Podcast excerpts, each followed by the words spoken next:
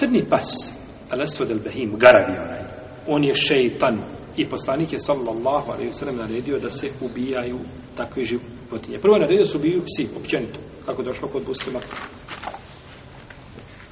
u sahihu.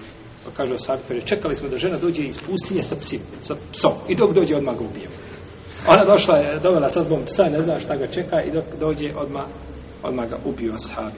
Pa je poslanik sa osaneme nakon toga zabranio ubijanje pasa i rekao je leula enel kilabe ummeten minel umem la mertu bi katliha faktulu kulle esvedin behim. Tako došlo kod muslima u kaže da da psi nisu ummet od umeta kaže ja bi naredio se svi pobiju ali kaže ubijajte svakog crnog garavog pa je rekao poslanik onda je poslanik sam zabranio ubistvo pasa i naredio da se ubiju šta? Psi koji su crni garavi koji su crni garavi jer su, jer su oni šeitani zato ima Mahmed ibn Hazm i ostali sledbenici zahirijske pravne škole nisu dozvolili lov sa psom koji je crn.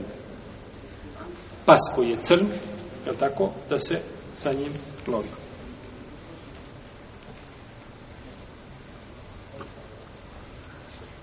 Nisu dozvolili sa njim lovi, jer kažu ono što se mora ubiti, nije dozvoljeno da to čovjek šta ima pri, pri sebi. Imaš psa i naređen da ga ubiješ. Kako ga ne možeš koristiti za lovu? Nema lova, to je naređeno da se ubije, to ne može biti, znači ne može koristiti za, ne može koristiti za lov.